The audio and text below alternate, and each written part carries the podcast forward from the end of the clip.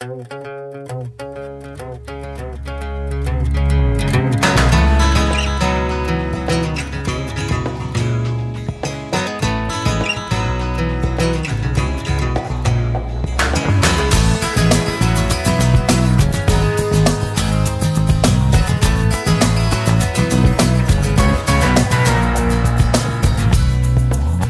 Selamat datang kembali di podcast Narasizer, Narasizer Millennial Concern bersama gue Zero Pandi sebagai host utama dan satu-satunya pada podcast orang awam ini, podcast orang biasa ya.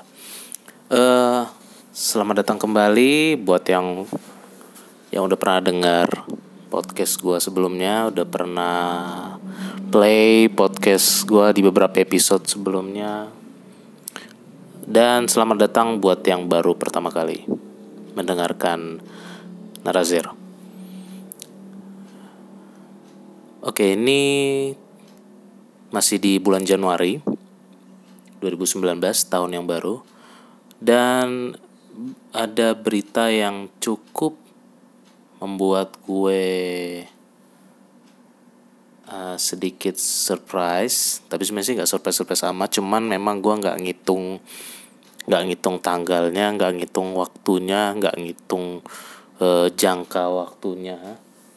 Yaitu adalah tentang Ahok atau Basuki Cahayapurnama yang sebentar lagi mungkin sekitar satu minggu lagi ya itu bakal menyelesaikan masa tahanannya di penjara, bebas, kembali lagi ke masyarakat uh, dari penjara Makobrimob di Depok. Siapa yang nggak kenal Ahok? Semua orang pasti kenal. Orang-orang di Indonesia, di Jakarta terutama. Dan kita tahu semua kasus dia apa waktu ditahan di uh, di penjara dipidanakan sejak um, akhir 2017 setelah dia kalah uh, pilkada DKI 2017 gue mau mulai dari mana ya? Gini uh, kenapa gue mau bahas tentang Ahok atau BTP Basuki Cahayapurnama? Pertama gini uh, gue termasuk orang yang sangat terinspirasi sangat banyak dapat uh, pencerahan banyak dapat wawasan banyak dapat kesadaran uh, tentang banyak hal dari beliau dari sosok yang satu ini. Bukan karena dia dulu pernah jadi wakil uh, memang dia wakil gue orang-orang kenal dia ya karena wakil gubernur DKI kemudian jadi gubernur DKI ya. Cuman um, gue melihat dia lebih dari sekedar sosok politisi. Gue melihat dia sebagai sosok yang mampu menginspirasi kita dalam berbagai sektor kehidupan. Duh gimana ya gue bilangnya ya? Ini bahkan nih gue rencana mau ngomongin Ahok ini lebih dari satu episode. Dan episode ini gue rencanakan bukan gue rencanakan kayaknya sih memang bakal gue jadikan sebagai episode Ahok BTP part 1 it means ada part 2 nya um, Ahok itu atau kalau kalian follow Instagramnya Basuki Cahayapurnama dia kan ini ya uh, dalam postingan terakhirnya berupa surat yang ditulis dengan bolpen tulisan dia sendiri di Makobrimob dia kan uh, udah sepertinya udah nggak mau lagi dipanggil Ahok tapi maunya dipanggil BTP atau Basuki atau Basuki Cahayapurnama gitu. Uh, itu nggak masalah ya itu kan hak hak pribadi. Tapi memang gue tetap lebih suka manggil Ahok sih mungkin beberapa orang juga masih lebih suka manggil Ahok karena ya kita punya pikiran positif aja gitu kan. Ya Ahok ya Ahok gitu. Bukan buat ngeledek atau atau stereotip Cina yang gimana gimana gitu kan. Bukan karena dia kayak koko-koko atau uh, apa nih istilahnya kalau bahasa Tionghoanya om ya. Ence ence ya ence ence atau apa enggak bukan karena itu. Tapi memang kita terinspirasi aja. Gue terinspirasi aja sama Ahok pertama kali gue tahu Ahok ini ya namanya Basuki Cahayapurnama. Dan itu di program talk show-nya Andi Noya Kick Andy mungkin orang nggak terlalu notice uh, program eh, nggak uh, terlalu notice talk show Kick Andy yang menayangkan Basuki Cahayapurnama pertama kali di Kick Andy dan di eh di program talk show Kick Andy ya karena ketika itu ketika pertama kali Kick Andy mengundang Ahok sebagai bintang tamu sekaligus narasumber topik episode yang dibahas di sana. Uh, ketika itu Ahok jauh jauh masanya dari dia mencalonkan diri sebagai cawagup Pilkada DKI 2012. Itu artinya mungkin Ahok ketika itu belum kenal Jokowi. Tuh ya. Gua sangat uh, gua sangat amazed waktu itu. Gua sangat apa ya istilahnya ya? Kalau amazed itu kan bahasa Inggrisnya, kalau bahasa Indonesia-nya tuh kayak uh, gue sangat uh, I feel like um, wow gitu uh, susah ya gue mau bahasa Indonesia nya susah ya. Gue lebih lebih oke okay lah kita pakai bahasa Inggrisnya aja lah istilah Inggrisnya aja. I feel like wow uh, this man is something else gitu uh, gue melihat oh gila ternyata ada ya politisi yang jujur politisi yang berani transparan terhadap korupsi bukan di mulut aja tapi ada ada pesan yang esensinya dapat gitu bobotnya dapat dan kayaknya ini orang nggak bohong gitu. Kita kayaknya kita yakin oh ini orang kayaknya nggak nggak inilah nggak nggak nggak sekedar lip service ketika bicara ini. Gue memang nggak gitu inget apa yang disampaikan oleh Ahok ketika itu. Oke kalau mau ditanya itu tahun berapa? Mungkin ya mungkin itu kayaknya dia masih kalau nggak dia bupati kayaknya dua nggak bupati ya Oh enggak, enggak, enggak. Dia udah jadi anggota DPR uh, eh, dari Partai Golkar. Fraksi Golkar uh, Komisi 2 ya, Komisi 2. Dia anggota DPR Komisi 2. Komisi 2 itu ini ya, pemilu ya, pemilu atau apa yang yang hubungannya dengan KPU. Uh, eh, dia ketika itu bilang saya melaporkan semua laporan eh, gaji gaji bulanan saya sebagai anggota DPR eh, kemudian eh, apalagi tuh eh, gaji bulanan kemudian ya eh, biaya operasional apa segala macam itu benar-benar eh, transparan saya buka semuanya di website saya dan bahkan saya e, mengembalikan dana dan menolak kunjungan kerja yang yang sebenarnya nggak ada faedahnya.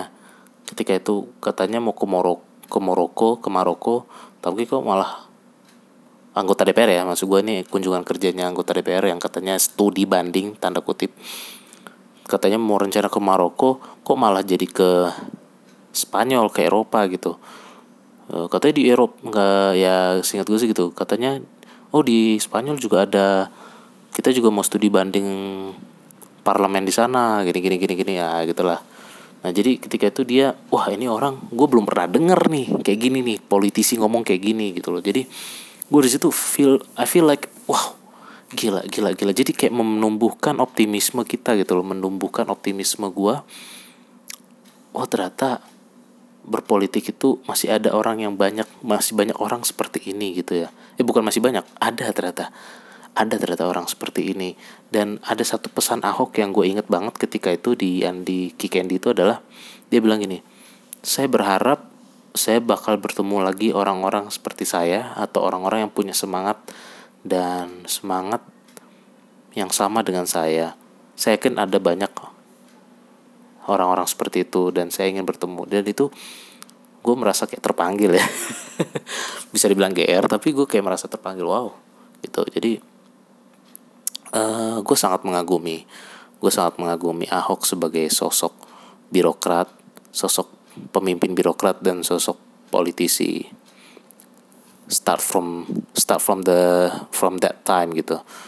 And then setelah setelah Kick Andy selesai tahun demi tahun uh, berganti gitu kan gua nggak pernah dengar lagi dia di TV dan ketika itu juga zamannya ya zamannya ini ya uh, YouTube orang masih susah nonton YouTube karena internet bandwidth internet di Indonesia ketika itu masih uh, bapuk banget.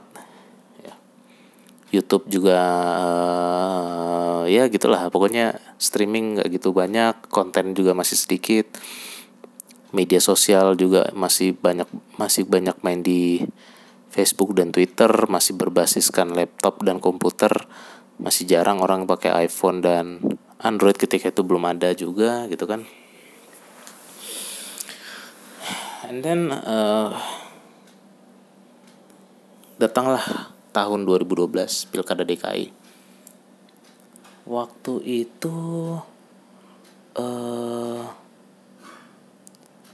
jadi gini gue inget banget Ahok itu sebelum dia sebelum dia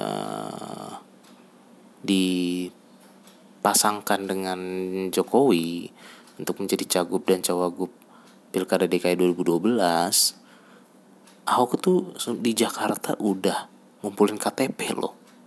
Jadi sebelum ada Pilkada 2012 Pilkada DKI 2012 itu sebelum penetapan calon uh, pas uh, apa paslon ya balon bakal calon tuh dia udah udah ngumpulin KTP ketika itu di Jakarta.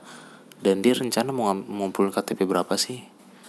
Mungkin satu juta ya atau berapa gue nggak tahu deh tapi nggak berhasil gagal nggak memenuhi kuota akhirnya dia gue pikir waktu itu gue sempet dengar gitu wah mau nih gue nih ngumpulin KTP jadi gue dulu tuh udah pengen banget ngumpulin KTP ketika itu.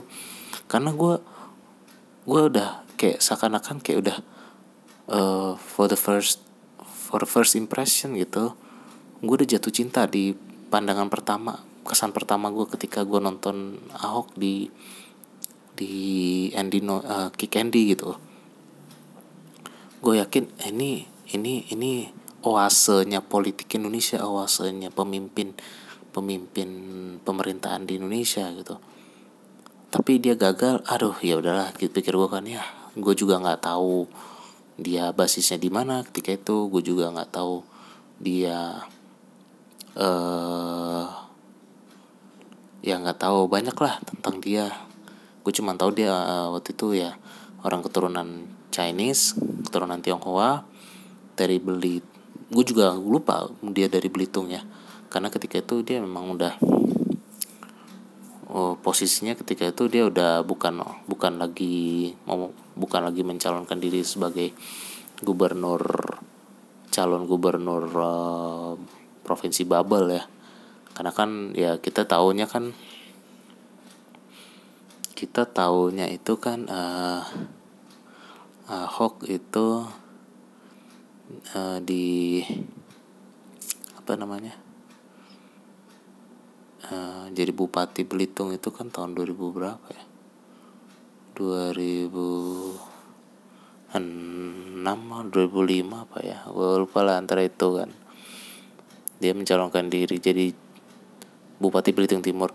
Eh, bukan mencalonkan Bupati Belitung Timur tahun di bawah di bawah tahun 2007 lah pokoknya sebelum tahun 2007 kemudian dia menjadi mencalonkan diri jadi cagup Babel di 2007 singkat gue gitu 2007 iya yeah. aduh gue lupa deh kayaknya gitu ha. lalu um, dia akhirnya dapat jatah di Golkar uh, paling terakhir caleg nyalek di 2009 ya nyalek 2009 dapat kursi di fraksi Golkar Komisi 2 nah dia itulah uh, cuma dua tahun ya kalau nggak salah. Komisi 2 tuh dia gue inget banget di Komisi 2 dia sama Nurul Arifin ya. Komisi 2 fraksi Golkar dia bareng sama Nurul Arifin di sana. Karena terkenal ada video postingan video dia waktu itu uh, dengar penja apa sidang sidang dengar pendapat ya Komisi 2 dengan Menteri Dalam Negeri ketika itu dan dengan ketua KPU saat itu. Gue gak tahu tuh tahun berapa? Mungkin 2010 kali ya.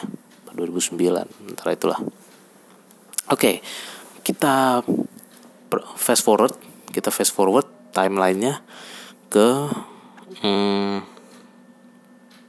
ke tahun 2012 gagal dia ngumpulin KTP dan eventually tiba-tiba dia di muncul lagi namanya bersama Joko Widodo. Joko Widodo waktu itu gue pas pilkada DKI cagup cawagup gue tahu Jokowi itu pas mobil SMK dan dia sebagai wali kota Solo. Uh, Oke okay, gitu kan. Oh ya kayaknya it seems, he seems like a nice guy gitu kan. Pas ngelihat Jokowi.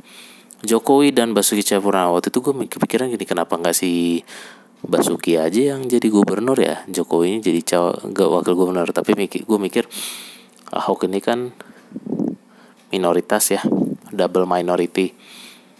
Da, uh, minoritas secara agama dan minoritas juga secara etnis. Ya udahlah pikir gue oh ya udahlah at least dia jadi wakil gubernur. Dan kemudian bertarung dengan banyak cagup cawagup. Ada kita kita udah Faisal Basri juga. Dengan cawagupnya gue nggak tahu siapa nggak kenal. Terus ada incumbent petahana uh, Fauzi Bowo dan dan satu lagi yang orang Betawi itu ya. Ya uh, uh, apalah Betawi yang nggak ada otaknya lah itu dia. Itu. Siapa sih namanya? Nggak penting lah. Kalau nggak salah kadernya Demokrat ya. nah kemudian eh, mereka bertanding cagup cawagup pilkada DKI kemudian Ahok Jokowi Ahok menang di putaran pertama bersama dengan Foke Fauzi Bowo dan cawagupnya yang blon itu yang sengak itu ya kan. Terus um, dan kemudian terkenal sempat viral itu yang apa? Nawawi ya namanya Nusron Nawawi kan? Nusron siapa sih? Yang ngatain Ahok tuh Haya Ahok Haya gitu kan waktu pas di acara debat. Acara debat cagup cawagup itu uh, untungnya Ahok juga santai kan. Sama-sama sipit katanya gitu kan. Capek deh. Uh, kemudian uh, dan akhirnya mereka menang. Jokowi Ahok menang. Pilkada DKI uh, dan setelah itu mereka terpilih di lantik Oktober 2012 uh, itu seperti pesta kemenangan rakyat ya. Karena terlihat sekali Joko itu sangat merakyat gitu kan. Uh, setelah setelah uh, setelah ter dilantik langsung ke balai kota langsung bikin rapat mendadak Jokowi dan Ahok. Ketika itu langsung gerak cepat untuk melancarkan program-program kerjanya yang sudah dibahas. Dan dan waktu itu gue eh, 2012 gue nonton video YouTube pertama video YouTube pertama dari channel YouTube Pemprov DKI itu adalah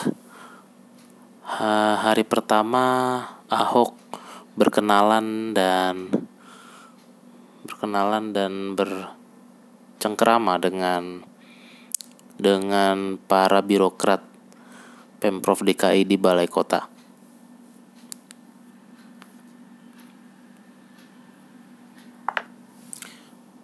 Uh, lalu uh,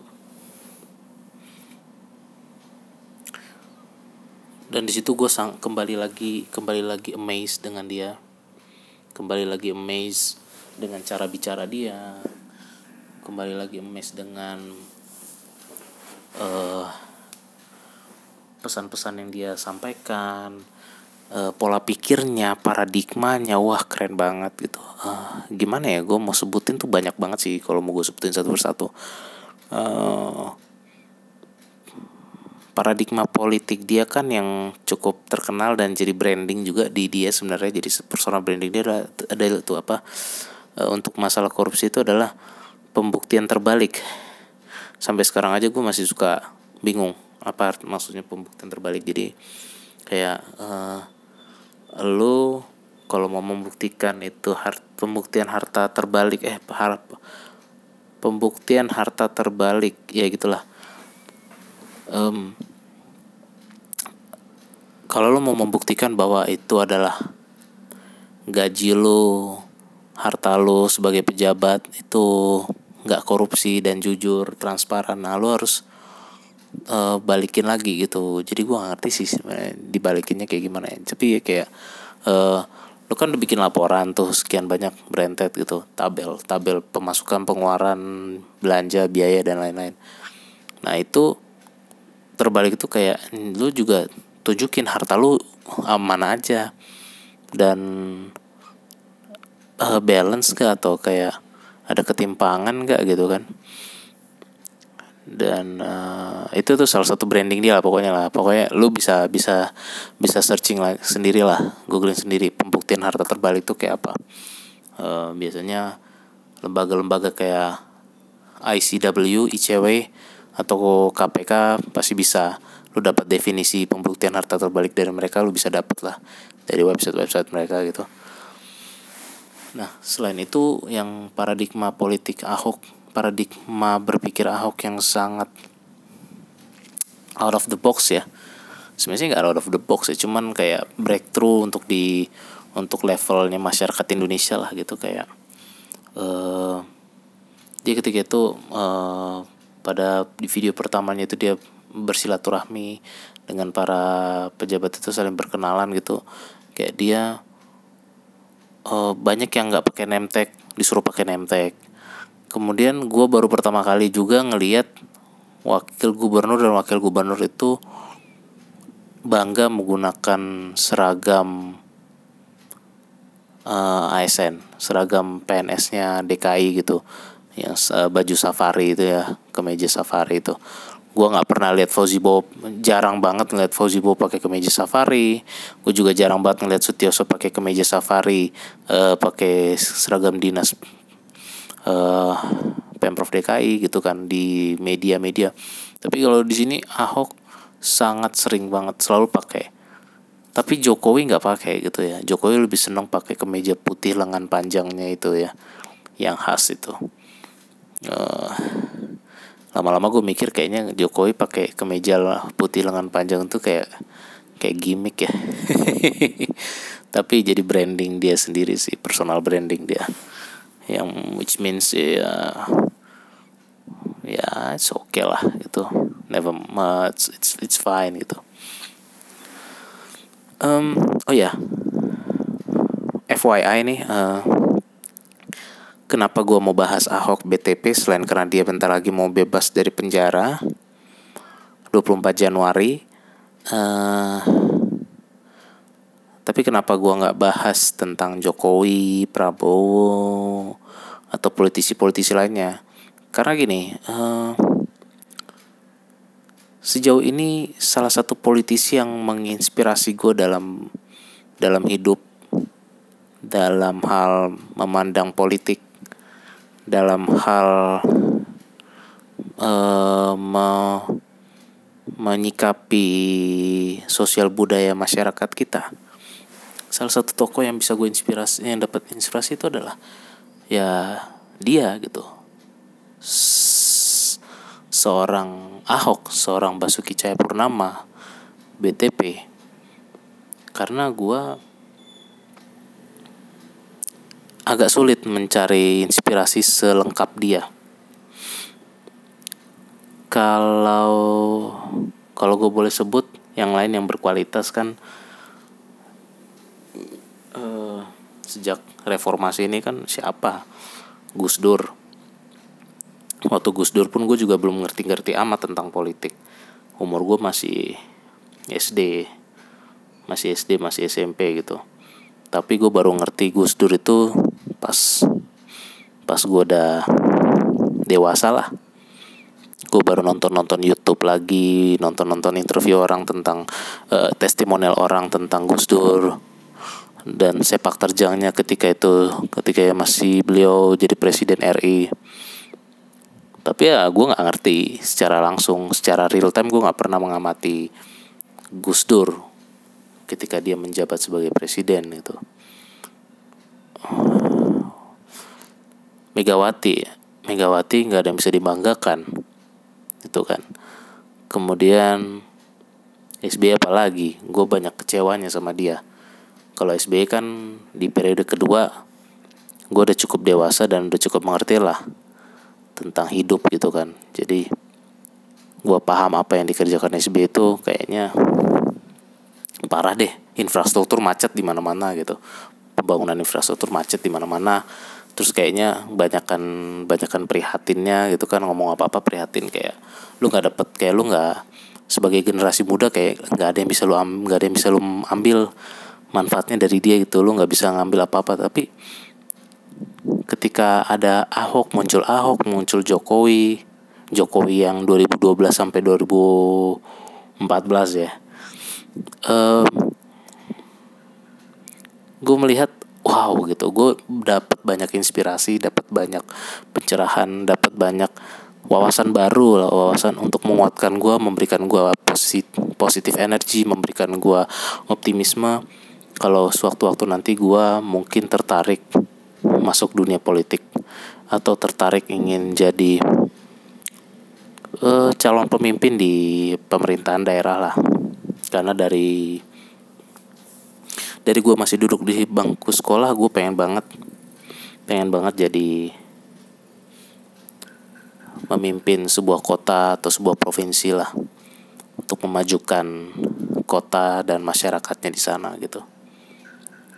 Contohnya ya provinsi atau kota di mana leluhur gua lahir dan besar uh, ada Ahok, ada Jokowi, ada kemudian di Jawa Barat ada Ridwan Kamil, Bandung ada Ridwan Kamil, di Surabaya ada uh, Bu Bu siapa sih namanya? Bu Tri ya, siapa? Tri. Bu Risma, Bu Risma.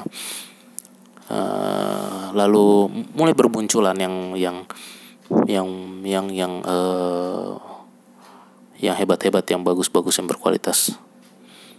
Kayak siapa lagi ya? Uh, oh ini yang meng, yang cukup menginspirasi gue adalah uh, salah satunya ketika itu adalah Ignatius Yonan ketika dia menjabat sebagai direktur utama PT KAI di mana dia bagaimana dia mereformasi dan mengubah KAI layanan kereta itu menjadi sangat luar biasa, sangat bersih, sangat luar biasa lah pokoknya Ignatius Yonan.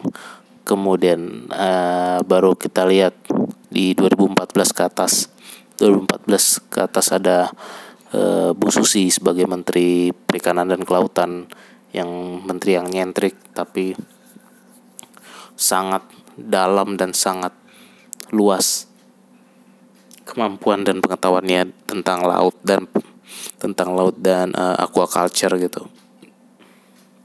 Tentang laut dan perikanan.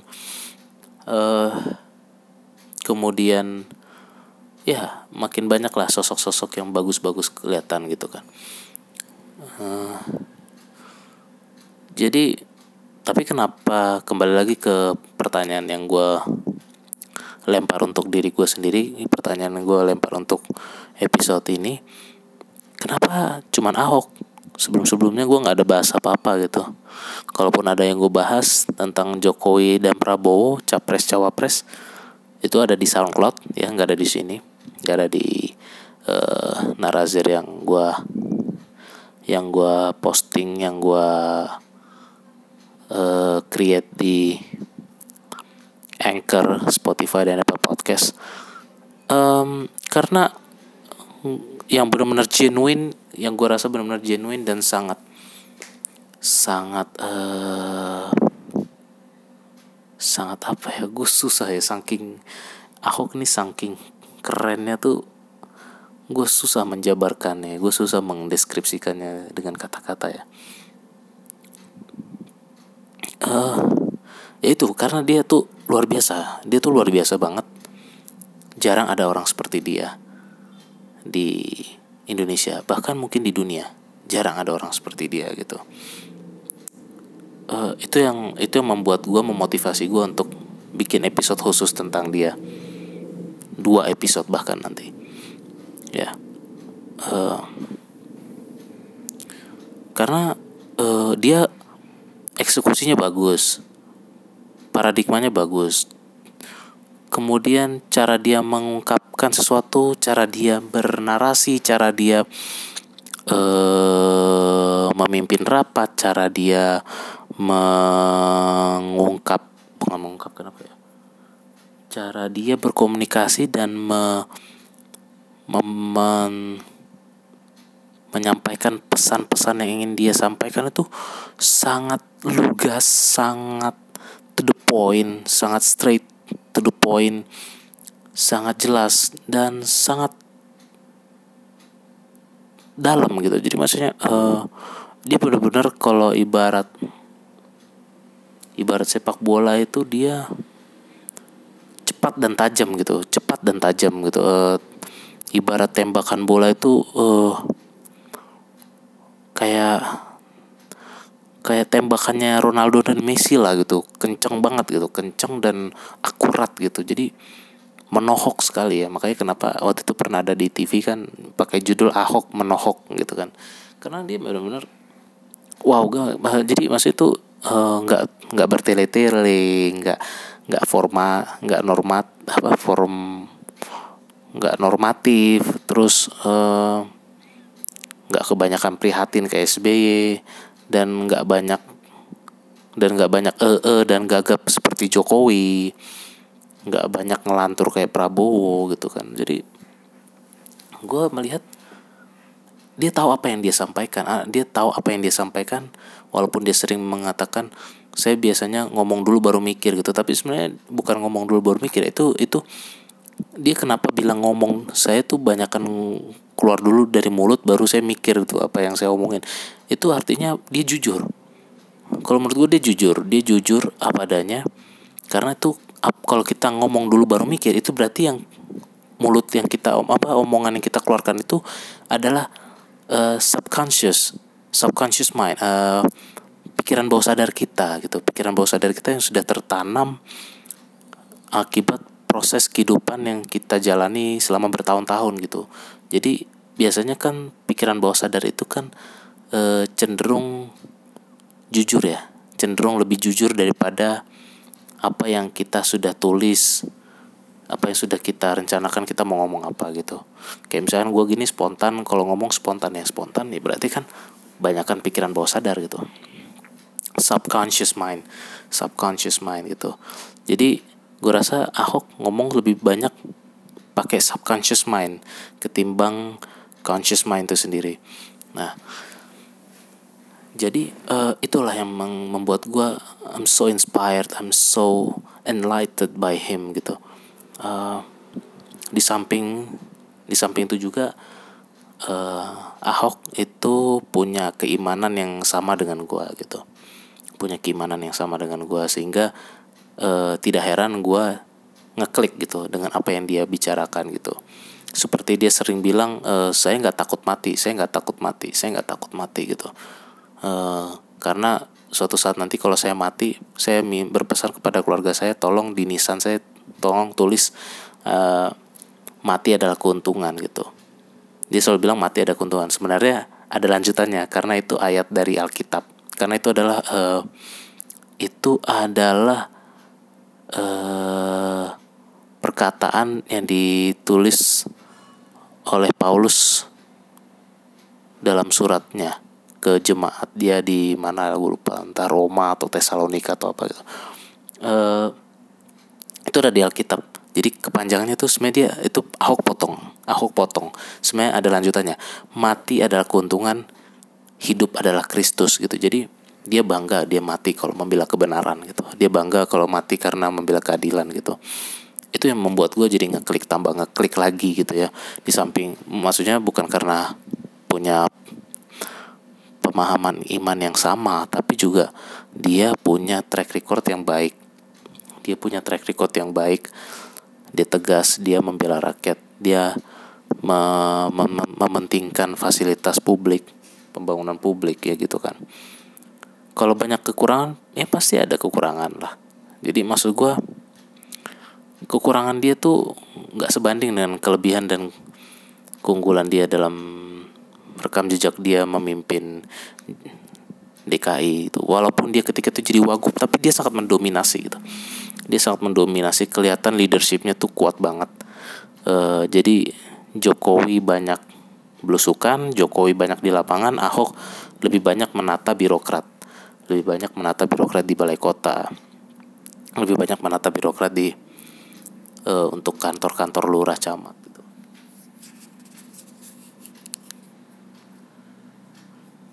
Uh, lalu apa lagi ya? Uh, jadi uh, gila ya. Uh, oke okay, gini. Sebelum gua tutup segmen pertama ini uh, ada satu hal lagi yang ingin gue sampaikan.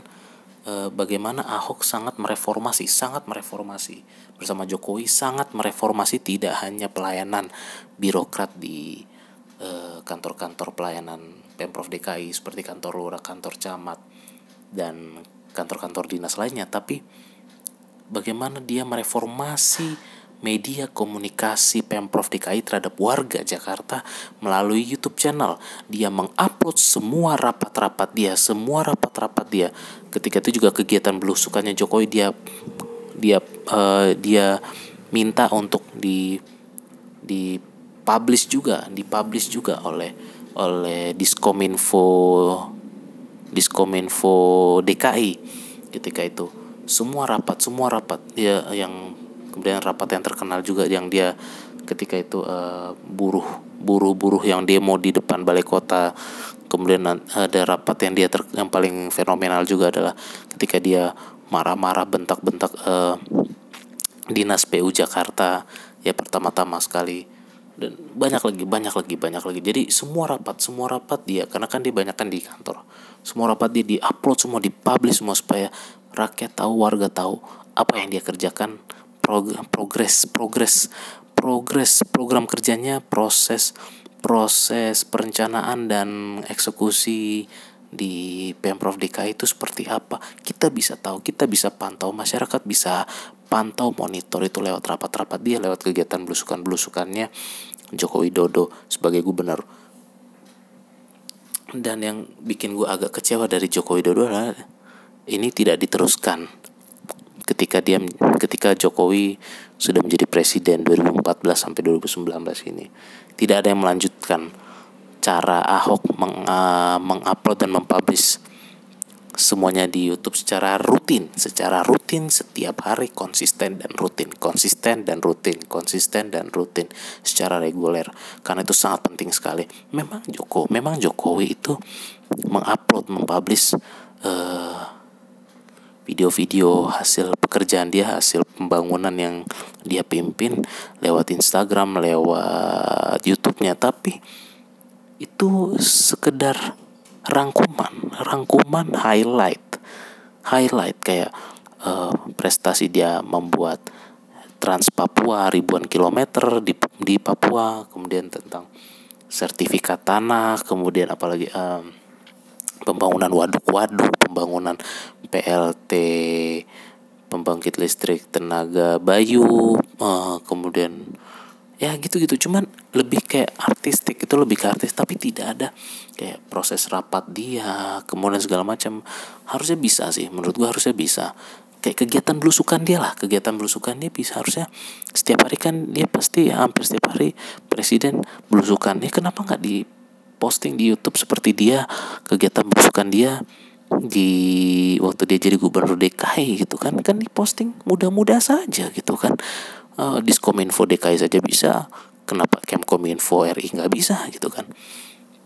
Nah, jadi itu uh, maksud gue uh, itu itu salah satu keunggulan Ahok yang gue sangat amazed dan inspired gue karena mungkin suatu saat kalau gue punya kesempatan mungkin 5 atau 10 tahun lagi gue bisa.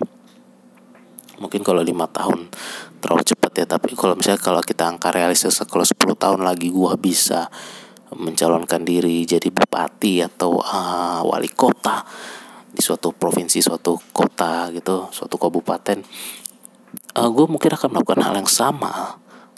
Gue akan mencontoh hal yang sama merekam dan mempublish semua progres rapat-rapat gue ke YouTube channel resminya pemerintah daerah setempat pemerintah daerah terkait gitu. Supaya masyarakat percaya gue dapat gain I gain the trust I gain the trust from public. Jadi itulah yang dilakukan Ahok. Basuki cara lama mendapatkan kepercayaan lebih mendapatkan kepercayaan yang luar biasa dari masyarakat dari warga Jakarta. Karena dia sangat terbuka ini loh kerjaan gue ini loh kerjaan gue ini loh rapat gue tiap hari ini loh rapat gue tiap hari ini loh kerjaan gue tiap hari. At least 60 sampai 70 persennya dia tunjukkan. Atau 50% ditunjukkan setiap hari dia ngapain di balai kota gitu. Geser dari satu, suatu rapat ke rapat lain gitu. Itulah yang bikin orang punya kepercayaan trust dengan dia. Ketika dia menjadi wakil gubernur maupun uh, gubernur DKI di samping memang banyak yang nggak suka sama dia banyak yang kontra dengan dia itu kan itu kan ya dinamika kehidupan lah. Tapi kan jauh lebih banyak yang suka dan percaya sama dia gitu. Oke itu dulu uh, segmen pertama. Uh, eh, gue akan lanjut di segmen berikutnya. Gue perlu I need little break karena agak capek juga nih ngomong tentang Ahok. Udah 40 menit lebih oke uh, stay tune ya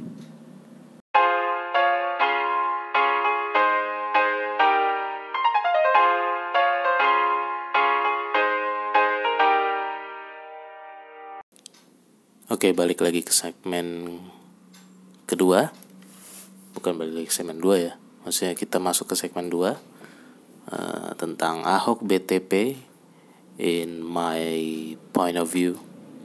Ya, ini uh, Narazir sebagai millennial concern, uh, ini juga sebagai concern dari Ahok BTP juga sebagai wujud concern dari generasi milenial juga ya.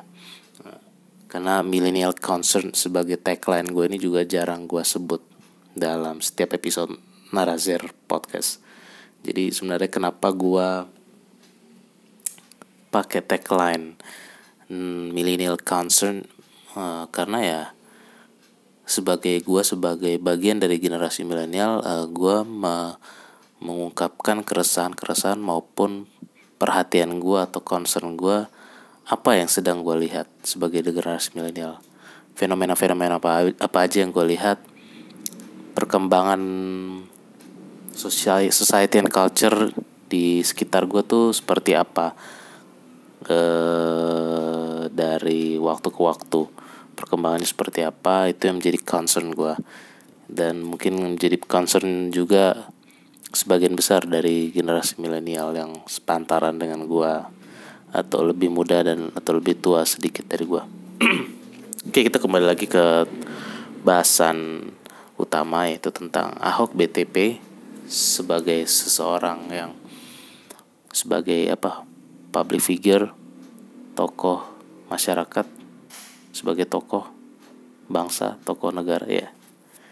Uh, you can name it. You can name him uh, or mention him as anything anything you want. Oke okay, ini ada beberapa hal yaitu uh, Ahok ini yang gue soroti adalah kemampuan dia dalam menata anggaran, dalam menghemat anggaran di pemprov DKI ketika itu luar biasa. Nah, bagaimana anggaran-anggaran DKI ini ternyata banyak yang silpa, sisa, banyak yang tidak terserap. Itu waktu itu sempat jadi kontroversi.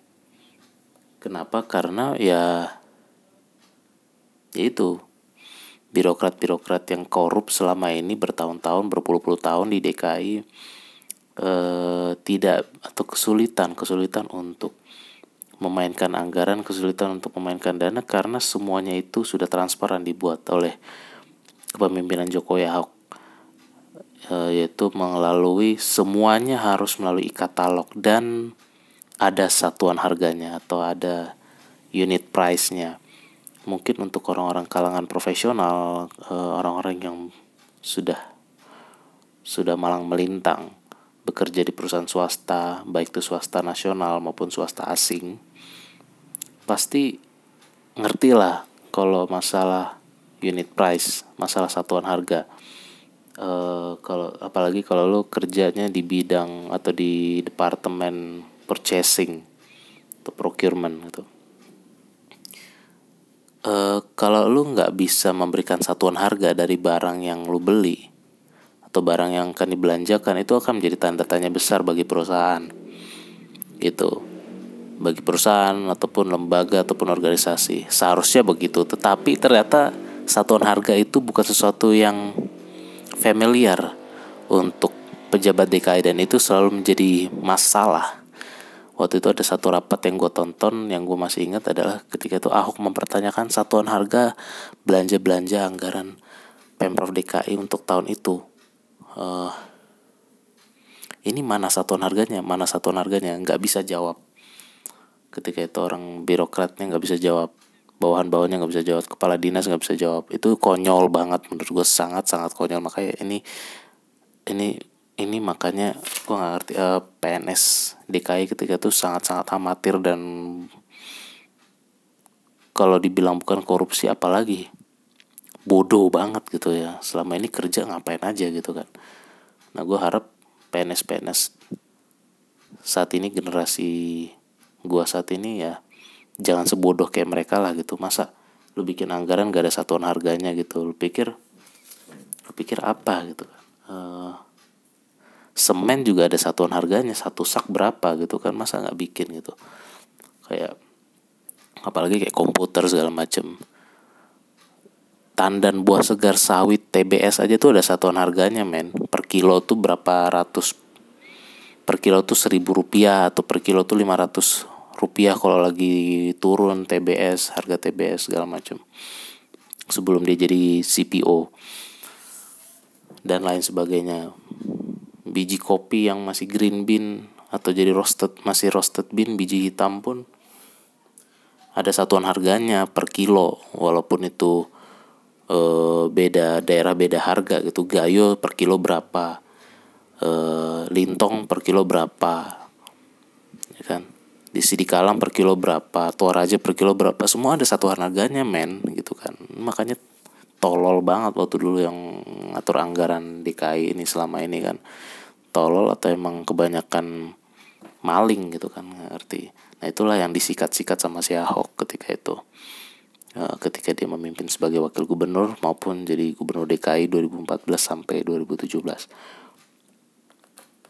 uh, jadi dia menjadi pahlawan kita ketika itu.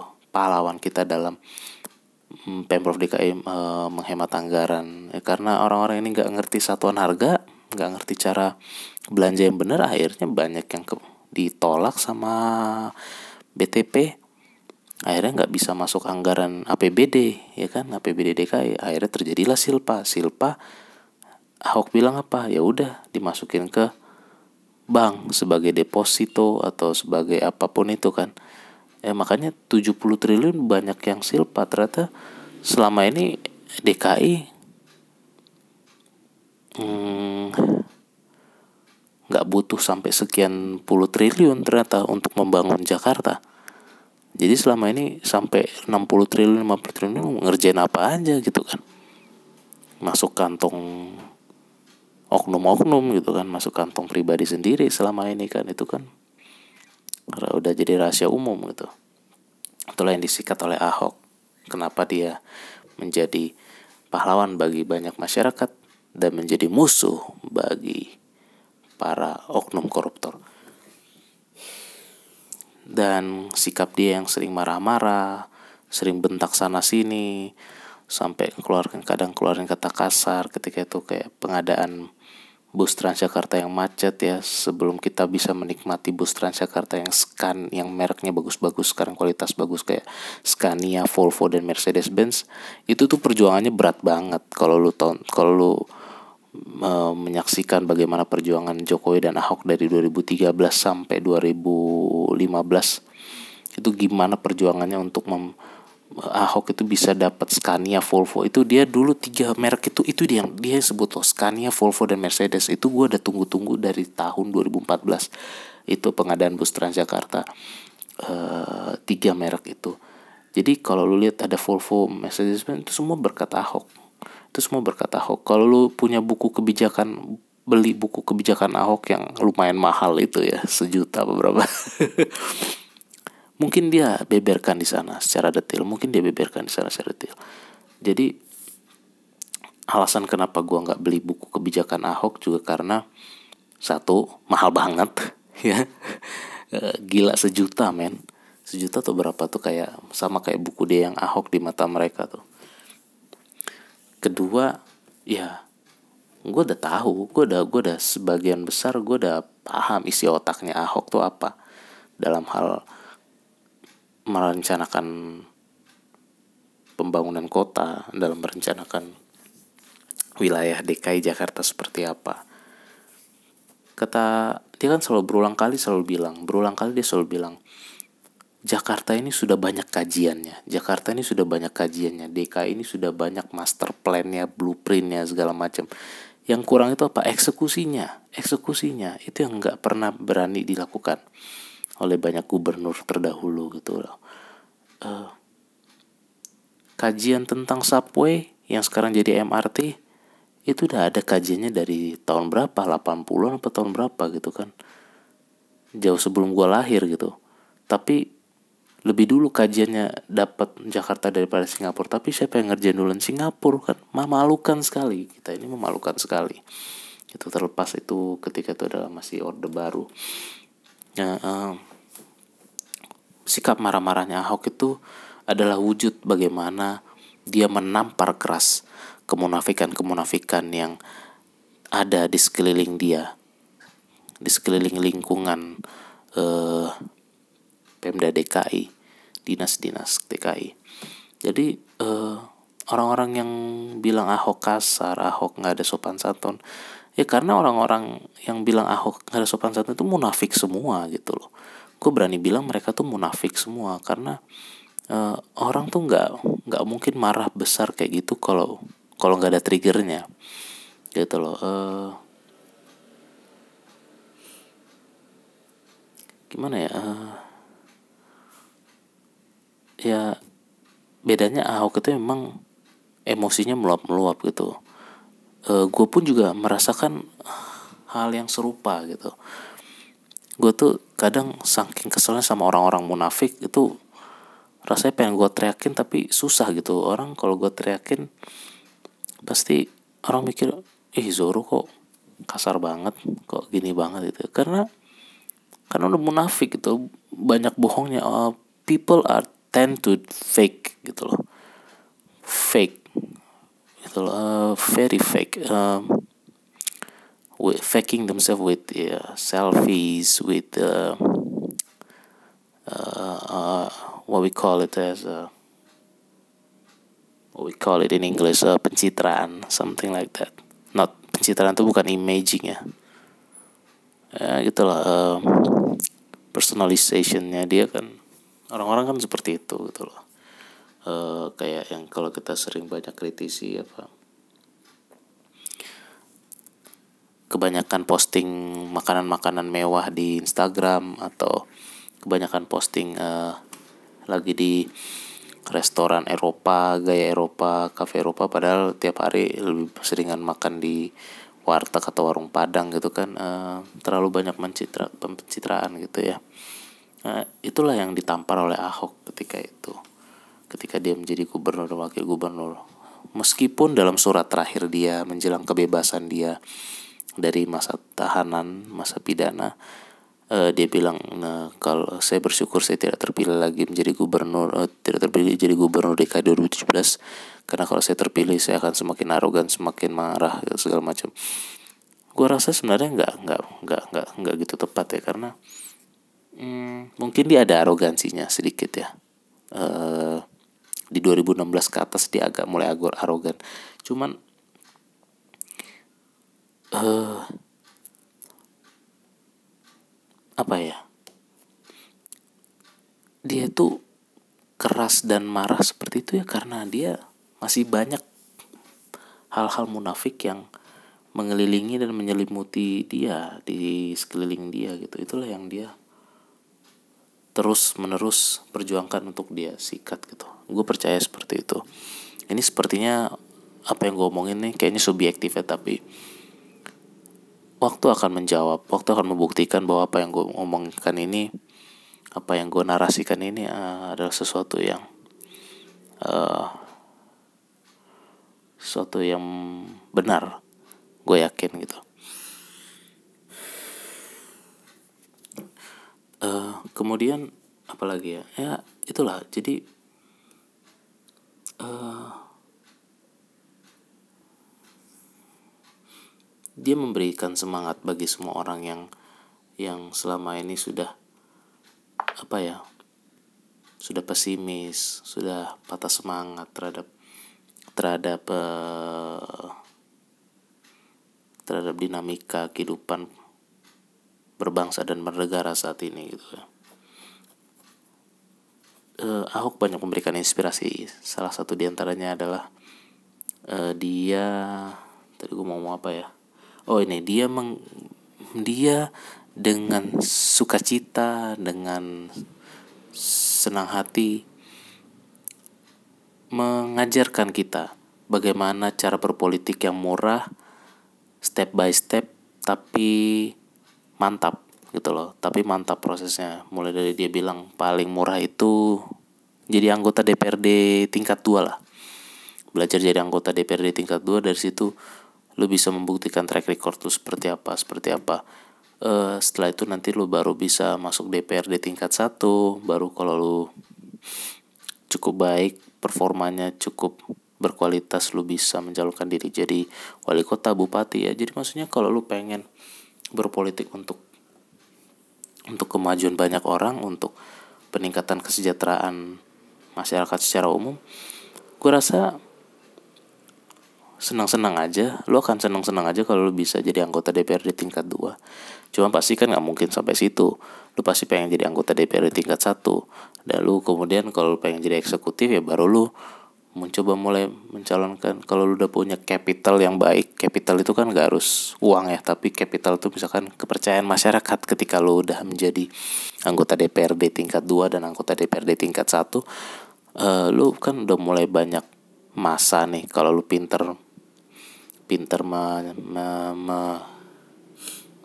mengumpulkan kepercayaan masyarakat sekeliling lo gitu kan itu lu jadikan capital lu jadikan modal untuk lu mencalonkan diri sebagai bupati di kabupaten di situ atau jadi wali kota di kota itu. Nah itu kan di situlah mulai kalau lu memang punya pemikiran kalau punya punya kepedulian yang tinggi terhadap kesejahteraan masyarakat lo akan senang hati kok. Gue yakin lo akan senang hati kalau pengen jadi kalau hanya jadi bupati atau wali kota saja. Gitu lo step by step. Why not step by step gitu kan nggak perlu sampai langsung tiba-tiba tinggi pengen jadi presiden gitu kan. Jadi gubernur aja belum pernah. Ini udah ambisi mulu no ambisi dari tahun 2009 pengen jadi wapres pengen jadi presiden ya kan. You know who am I talking about ya kan. Jadi ya udahlah gitu. Uh, kalau emang pengen untuk sejahtera masyarakat kita bisa mulai dari yang dari yang paling rendah dulu lah gitu. Serendah-rendahnya nggak harus jadi uh, serendah-rendahnya ya nggak perlu mulainya harus jadi ketua RT atau ketua RW ya. Kalau bisa lebih kalau bisa mulainya dari anggota DPRD tingkat 2 ya why not gitu kan. Tapi kalau lu udah dari awal lu di di tetangga lu lu dikasih percaya jadi ketua RT atau ketua RW lu ambil aja gitu. Lu bisa belajar bagaimana memahami masyarakat e, bagaimana lu cara lu menyikapi dan melayani masyarakat dari tingkat yang paling bawah di situ akan lu diuji seberapa hebat lo seberapa pantas lo bisa e, untuk mencalonkan diri sebagai bupati kelak atau wali kota kelak atau bahkan jadi gubernur provinsi. Next uh, adalah uh, adalah kekaguman gue bagaimana seorang Basuki Cahaya Purnama menyikapi kenyataan bahwa dia harus dipidana selama hampir dua tahun penjara karena kasus penistaan agama. Setelah dia kalah pilkada, dia harus melanjutkan sidangnya dan akhirnya dipidana. Uh, suatu kasus yang menurut gua seharusnya dia tidak perlu dipenjara, tetapi dia harus dipenjara dan dia menerima itu dengan lapang dada dan dia sangat menikmati.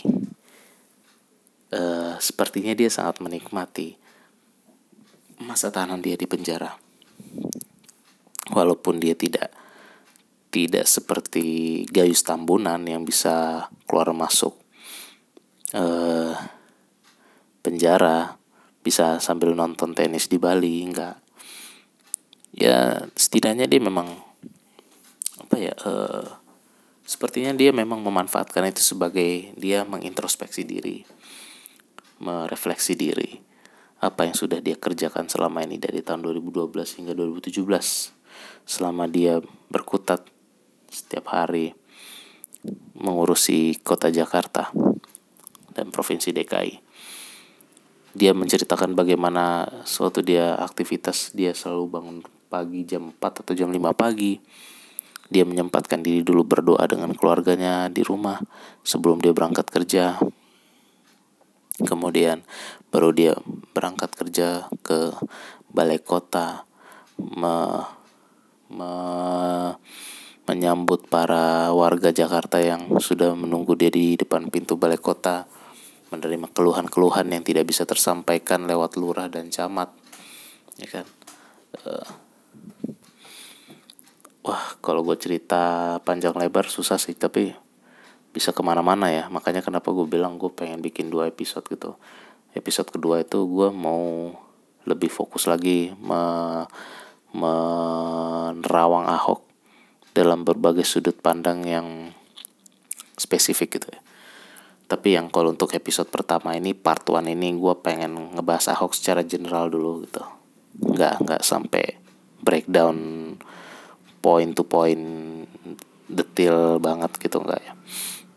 Jadi uh, dia bagaimana kesibukan dia dari pagi sampai malam ngurusin DKI kemudian Sabtu Minggu dia harus tetap kerja di rumah disposisi. Ya dia sering bilang disposisi. Disposisi uh, bawa bawa PR dari balai kota uh, satu tas gitu. Isinya ratusan.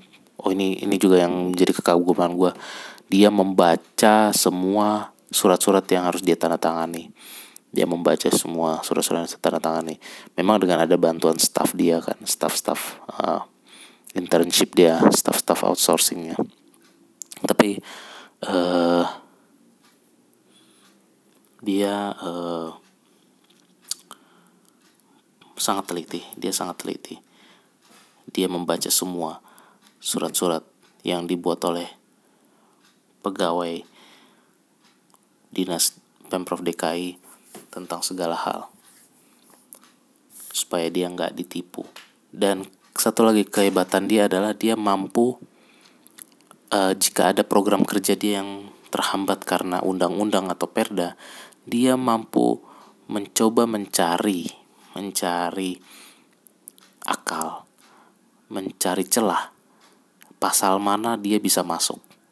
Pasal mana dia bisa didukung oleh pasal mana dari perda mana atau undang-undang mana supaya program kerja dia bisa lancar? Karena kan inovasi itu kan selalu selalu jauh lebih cepat perkembangannya daripada regulasi ya. Itu sudah sudah diakui oleh uh, seorang guru besar UI Profesor Renal Kasali. Regulasi selalu terlambat terutama di negara kita. Regulasi selalu terlambat dengan inovasi. Itu kenapa kita selalu bertabrakan inovasi-inovasi teknologi selalu bertabrakan dengan peraturan-peraturan pemerintah dan undang-undang. Karena peraturan pemerintah dan undang-undang selalu lambat prosesnya administrasi sangat lambat proses birokrasi sangat lambat uh, ini itu ini itu berlapis-lapis izinnya segala macam itu membuat inovasi-inovasi Ahok seorang Ahok pun juga terhambat ketika dia memimpin Jakarta untuk untuk ngurusin Air Petra, untuk ngurusin pengadaan bus Transjakarta, armadanya dan lain-lain. uh, kalau kalian mau nonton bukan nonton ya dengerin uh, podcast gue di SoundCloud gue Zerpandi. Zerpandisi ya Zerpandisi atau Zerpandi. Uh, tentang transportasi Jakarta lu bisa dengar bagaimana perkembangan armada Transjakarta dari tahun ke tahun. Dan itu sebagian besar banyak perannya dari Ahok gitu ya. Uh, mungkin lu lihat sekarang Jakarta sudah lebih baik. Mungkin ya. Kayak pedestriannya makin banyak dan segala macam cuman kalau orang mikir oh ini berkat gubernur DKI kita yang baru Anies Baswedan gitu ya. Uh, menurut gue ada yang keliru ya. Uh, oke okay, gue apresiasi Anies Baswedan yang gue apresiasi dari dia adalah dia mampu melanjutkan program kerja gubernur dan wakil gubernur terdahulu. Dia karena semua itu adalah apa yang sudah dirancang dan direncanakan Ahok sejak lama di mana dia selalu marah-marah karena pegawainya itu lambat sekali kerjanya di rapat ya. Bagaimana dia pengen Volvo Scania dan Mercedes-Benz itu masuk menjadi armada Transjakarta. Bagaimana uh, ada bus Metro Trans sebagai bus low decker low decknya Transjakarta supaya penyandang difabel penyandang disabilitas bisa masuk, busnya bisa uh, bisa miring, bisa miring untuk bisa nerima penyandang apa yang pakai kursi roda dan segala macam. Itu semua dia yang rencanakan gua nonton YouTube channel Pemprov DKI rapat-rapatnya. Kalau nggak kalau udah kalau masih ada di YouTube channel Pemprov DKI ya itu semua ada. Uh, gue tahu banyak hal tentang Basuki Cahayapurnama track recordnya di DKI dan macam-macam karena gue selalu memantau perkembangan Pemprov DKI melalui rapat-rapatnya Ahok. Dan kegiatan-kegiatan belusukannya Jokowi ketika dia masih jadi gubernur DKI. Oh ya, kembali lagi dalam hal cara dia menyikapi kenyataan bahwa dia harus dipenjara dari 2017 hingga sekarang. Uh, dia menikmati itu. Bahkan ketika dia ada bebas bersyarat tidak dia pakai untuk untuk keluar dari penjara untuk uh, istilah kata kayak uh, looking for fresh air gitu ya. Dia tidak manfaatkan dia tetap menikmati tahap masa tahanannya di Makobrimob. Menulis buku uh, kirimin surat-surat orang-orang dan segala macam dia tidak pegang handphone dia serahkan semuanya itu dengan tim medsosnya. Uh, eh, gue nggak tahu apa yang akan dia lakukan nanti setelah dia bebas. Orang banyak bilang dia akan langsung terjun lagi ke politik. Gue rasa enggak dengan cara dia menyampaikan surat-surat itu kayaknya dia pengen kalau gue rasa dia pengen lebih pengen jadi keynote speaker ya di berbagai seminar atau talk show talk show. Gitu. Uh, cepat atau lambat dia pasti akan terjun lagi di politik gue yakin itu. Tapi gue rasa bukan cepat atau lambat tapi lambat. Tidak dalam waktu yang cepat. Itu pemikiran gue sih. Uh, Ahok bisa menikmati hidup di penjara seperti itu pertama ya karena dia tidak di LP Cipinang ya karena LP Cipinang menurut gue cukup berbahaya untuk seorang Ahok karena Ahok bukan bukan nara, napi karena kasus terorisme, kasus korupsi ataupun kasus narkoba ya. Jadi dia memang jangan nggak, jadi dia emang nggak boleh. Kalau gue rasa sih jangan, emang nggak boleh ditahan di LP Cipinang. Untung saja ada rutan Makobrimob ya lebih kondusif di sana gitu. Mungkin orang-orang yang benci sama Ahok nggak suka dia ditahan di Makobrimob dianggap terlalu melindungi segala macam. Kalau menurut gue sih ya nggak ada yang bisa menjamin keselamatan Ahok kalau dia di penjara di Cipinang selama ini. Karena Cipinang tuh sangat keras LP Cipinang tuh sangat keras dan ya gitulah LPG Bidang itu kan sipir-sipirnya bukan dari polisi gitu kan. Bukan dari kepolisian sipir-sipirnya itu kan sebenarnya sipil sebenarnya apa uh, warga negara biasa sebenarnya kan. Kayak kayak pegawai swasta lah gitu. Bukan dari kepolisian bukan dari militer. Tapi kalau sipir-sipirnya rutan makobrimob pasti ya dari dari brimob kan dari brimob polri gue yakin uh, dia menulis buku dia uh, berkirim surat dengan banyak penggemarnya dengan banyak masyarakat lewat itu ya lewat kirim-kiriman surat. Uh, kenapa dia bisa menikmati itu? Gue sebagai orang yang punya pemahaman iman yang sama dengan dia punya keimanan yang sama dengan dia uh, tidak merasa heran kenapa dia menikmati di penjara karena uh, mungkin dia terinspirasi oleh rasul-rasul Kristus yang yang karena ke, uh, memperjuangkan kebenaran harus di di penjara harus di dikriminalisasi oleh pemerintah-pemerintah di masa-masa itu pemerintah Romawi dan segala macam. Bahkan ada yang dibunuh dan dibakar hidup-hidup di di tengah-tengah masa gitu kan. Jadi dia cukup terinspirasi gue rasa dia cukup terinspirasi dan dia uh, he's a man of his word gitu. Jadi kalau dia bilang dia dulu pernah bilang saya tidak takut mati ya. Apa jangan ya istilahnya jangan ketakut mati di penjara pun dia nggak takut di penjara pun dia senang-senang aja gitu dia mengintrospek mengintrospeksi diri banyak merefleksikan diri atas kesalahan-kesalahan dan kekurangan-kekurangan dia selama ini di rumah tahanan.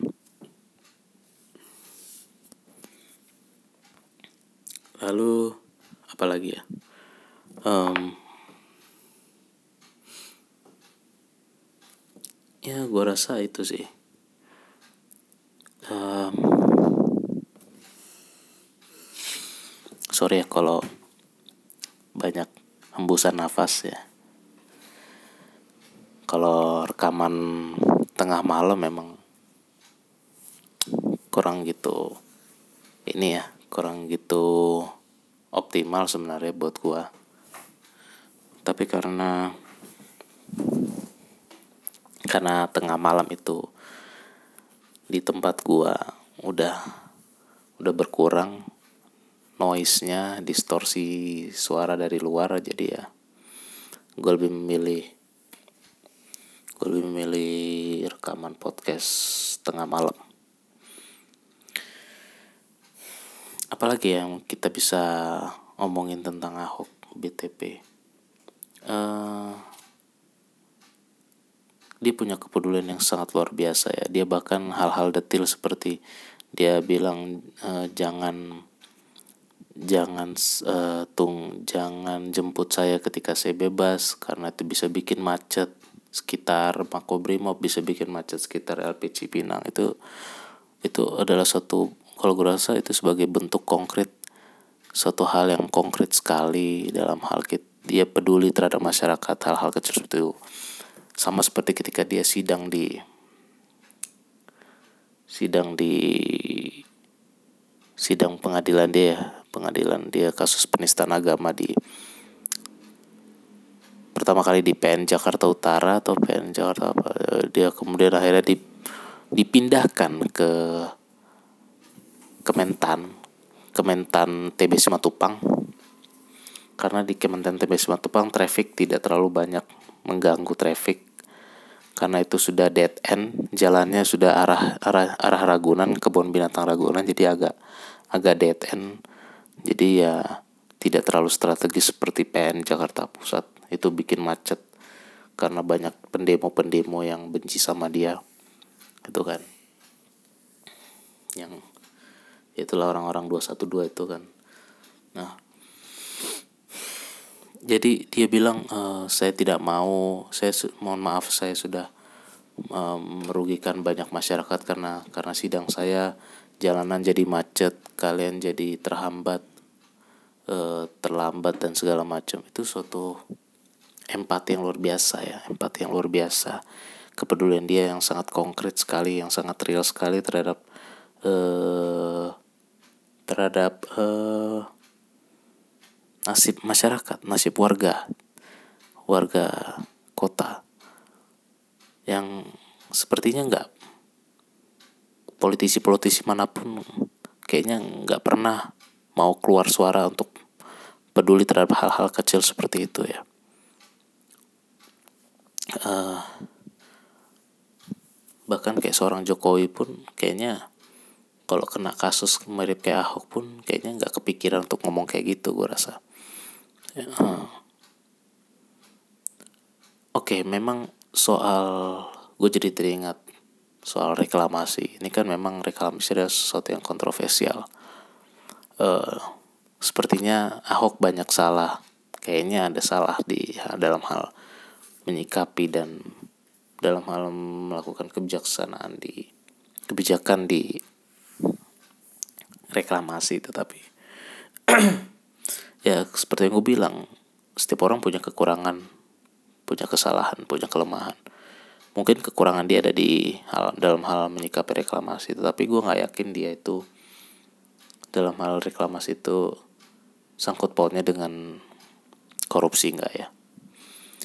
Uh, dia sendiri nggak pernah menjamin dirinya akan bebas dari korupsi tapi dia berusaha untuk itu untuk uh, menjauhkan diri dan untuk mengharamkan segala bentuk korupsi. Sampai sekarang tidak terbukti kan? Itu uh, sampai dia di penjara pun nggak terbukti. Dia pun di penjara bukan karena korupsi gitu. Tapi karena hal lain. Biasanya kan orang kalau berkuasa dia nggak diganggu sama KPK tapi setelah dia nggak di setelah dia nggak menjabat sejauh ini nggak pernah diganggu tuh sama KPK gitu kan? Dalam hal penyelewengan dan segala macam. Ya kira-kira gitulah analoginya. Apa uh, uh, premisnya. Kemudian um, apalagi uh, gila ini udah setengah jam ya. Yang tadi 40 menit. Kayaknya kerasa lebih lama tadi tapi kayaknya kerasa lebih lama tadi. Ini kayak kerasa lebih singkat tapi sekarang udah mau masuk menit ke 40 juga nggak kerasa ya. Kemudian apalagi ya? Sebentar. Dalam hal kepemimpinan dan politik dia selalu mengutip dia selalu mengutip apa yang mantan presiden Amerika Serikat masa lampau selalu bukan selalu ya yang pernah mantan presiden Amerika Serikat uh, utarakan. Siapa sih presiden Amerika Serikat? Uh, Abraham Lincoln. Abraham Lincoln pernah bilang uh, Duh, gue jadi lupa. Jika kamu ingin tahu kira-kira gini lah ya kalau bahasa ter, bahasanya gue jika kamu ingin tahu karakter seseorang jika kamu ingin tahu siapa diri seseorang itu sebenarnya? Sifat aslinya gitu kan. Berilah dia kekuasaan. Berilah dia kekuasaan. Nah makanya itu yang selalu Ahok janjikan. Kasih saya kasih saya kesempatan untuk berkuasa kasih saya berkesempatan untuk memimpin maka anda akan tahu siapa saya. Maka anda akan tahu seperti apa saya maka anda akan tahu sifat saya asli saya seperti apa sejauh ini gue gue melihat kita sudah bisa melihat sebagian besar sifat aslinya Ahok. Seperti apa ketika dia memimpin Jakarta ketika dia menjadi pihak uh, yang punya berwenang memimpin Jakarta begitu banyak terobosan-terobosan dia yang out of the box begitu banyak ide-ide brilian dari dia uh, orang seumuran dia seharusnya sudah minim kreativitas tapi dia kreativitas dan inovasinya lahir terus ya. Uh, kemudian uh, dia sangat tegas. Dia sangat uh, detil. Dan dia juga sebenarnya hobi bercanda dan berkelakar gitu ya. Dia punya selera humor yang cukup tinggi. Dia juga pernah di Metro TV pernah uh, uh, apa iseng tampil sebagai stand up komedi juga gitu kan. Bertarung dengan Mongol dan Soleh Solihun ketika itu. Ya, maksudnya bertanding stand up komedi gitu kan. Uh, dia sosok yang lengkap dan bijaksana menurut gua. Kenapa gue bilang bijaksana? Karena dia berani mengaku kesalahan dia selama ini. Berani mengaku kekurangan dia selama ini. Waktu dia agak kasar dia mulai banyak yang banyak yang tegur banyak yang ini dia mulai uh, melembutkan kata-katanya. Orang mungkin yang udah terlanjur benci sama dia nggak akan melihat progres itu tetapi gue memperhatikan itu gitu ya.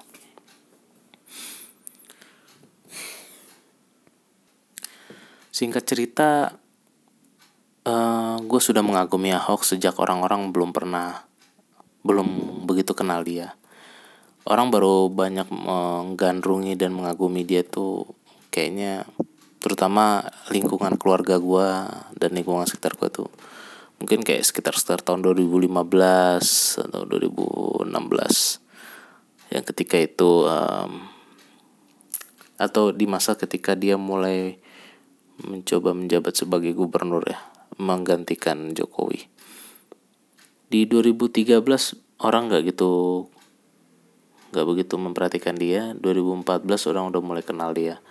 Tapi di 2012 dan 2013 gue sudah mengagumi dia, gue sudah mengikuti dia lewat rapat rapat-rapat dia di YouTube channel Pemprov DKI. Dan kalau kalau ada kuis tebak-tebakan tentang Ahok gue berani gue gue berani bertaruh. Gue tahu banyak tentang dia dan gue bisa menang kuis itu. Uh, eh, gue bukannya menjadi uh, tapi gue merasa diri gue bukan ahokers ya. Walaupun seperti itu gue merasa gue bukan bukan ahokers gue pengagum pengagum ahok gue pengagum pola pikirnya gue pengagum ideologinya gue pengagum paradigma berpikir dia.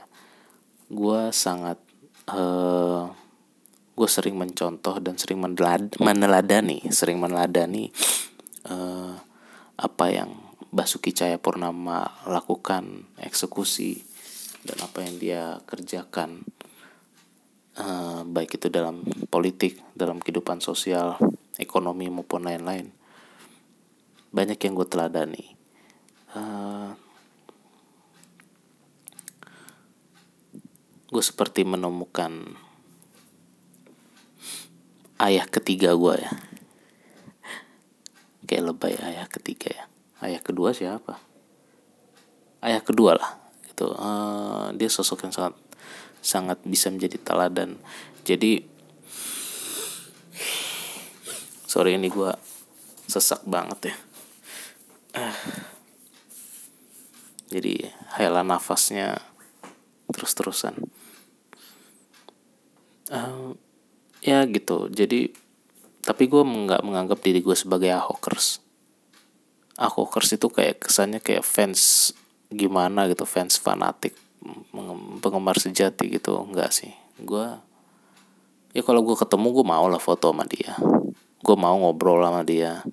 Cuman gue nggak akan bilang gue nggak akan menganggap diri gue sebagai apalah. Gue kan nggak mau. Kita kan harusnya jangan menuhankan seseorang ya tapi gue nggak ya gue berusaha untuk tidak dalam taraf itu gitu.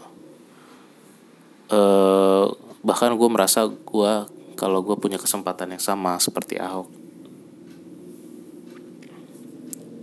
e, boleh menjadi seorang pemimpin boleh menjadi seorang public figure yang dikasih kesempatan untuk berkarya dan berbuat banyak bagi banyak orang gitu. Eh, gue dengan meneladani seorang Basuki Cahayapurnama gue malah termotivasi ingin lebih baik dari dia. Gue termotivasi ingin lebih pintar dan lebih cerdas dari dia. Istilah kata kalau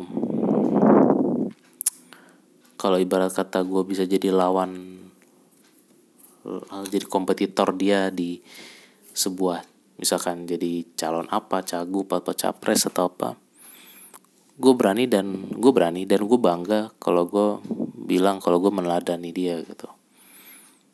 Tetapi karena gue gue karena gue percaya diri gue punya kelebihan yang dia tidak punya gitu. Tapi di samping itu gue mengagumi dia sebagai sebagai sosok generasi senior yang patut dicontoh. Track recordnya patut dicontoh kebijaksanaannya dan patut dicontoh sikap-sikap dan pemikiran ideologinya yang selalu konstitusional dan pancasilais. Justru kalau orang-orang bilang dia nggak setia, kutu loncat segala macam, gue rasa justru orang-orang ini yang bodoh sih.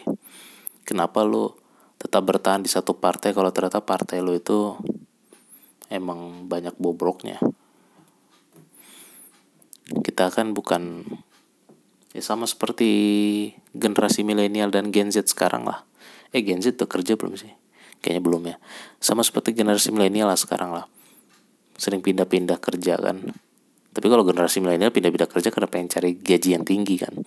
Cuman ada beberapa juga orang-orang yang mungkin dia pindah kerja karena mempertahankan ideologinya. Ya sama seperti Ahok. Ahok kutu jadi kutu loncat di parpol karena dia ada ideologi yang bertentangan.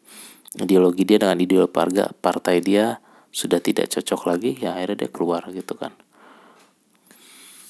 Eh, dan gue nggak mau ngomongin soal dia nanti bakal ke partai mana kalau dia terjun lagi di politik ya. Gue nggak peduli sih uh, soal itu. Dia mau di PDIP atau mau bikin partai baru tapi gue lebih senang dia bikin partai baru sih atau dia jadi oh nggak nggak jadi deh. Gue tadi kepikiran dia jadi masuk PSI aja cuman jangan deh. Lebih baik dia bikin partai sendiri sih. Kalau dia jadi partai sendiri gue mau daftar. Daripada gue jadi kader PSI kayaknya ideologi dan perjuangannya agak nanggung tuh partai walaupun isinya generasi muda dan penuh harapan gitu. Asal dia nggak jadi nasdem kedua aja tuh. Oke jadi untuk episode pertama part 1 tentang Ahok Basuki Cahayapurnama mungkin sampai segitu dulu. Uh, nantikan episode kedua tentang Ahok BTP mungkin lebih spesifik ngomongin tentang tentang kebijakan-kebijakan dia yang lainnya. Tentang dia hal-hal yang lainnya nanti gua akan ya ya tunggu aja lah tungguin aja. Dan mudah-mudahan doain aja di episode kedua part part 2 itu eh uh, gue akan bicara tentang Ahok itu bersama teman-teman gue jadi nggak bernarasi single seperti ini tidak bernarasi seorang diri seperti ini tapi gue yakin akan lebih asik lagi kalau gue ngobrolin Ahok dengan beberapa orang dua atau tiga orang. Ya masih totalnya jadi berdua atau bertiga gitu. Akan lebih seru dan gue juga pengen tahu pandangan teman-teman gue yang lain ya ya jadi mudah-mudahan episode part kedua dengan teman bincang lebih bagus lagi dengan dengan dengan narasumber bidang politik itu lebih keren lagi sih. Cuman gak kepikiran siapa yang bisa gue ajak. Oke okay, that's it for this episode. Uh, thank you for listening. Um, please follow on Spotify. Please subscribe on Apple Podcasts. Uh, gue dalam podcast ini nggak nggak berharap apa-apa nggak berharap money nggak berharap monetize sebenarnya gue cuma berharap banyak yang dengerin dan banyak yang mengapresiasi dan banyak yang merespon lewat itu entah itu lewat DM Twitter gue atau lewat email atau mungkin lewat komen-komen di anchor.fm uh, eh, karena dengan begitu banyak respon gue merasa uh, podcast gue bermanfaat dan menjadi bisa menjadi inspirasi dan wawasan atau pencerahan bagi banyak orang yang mendengar. Oke, itu aja. Um, that's it for this episode for Narazer Podcast Millennial Concern. Gue Sarpan, gue Zerpandi. Salam Mako Brimob.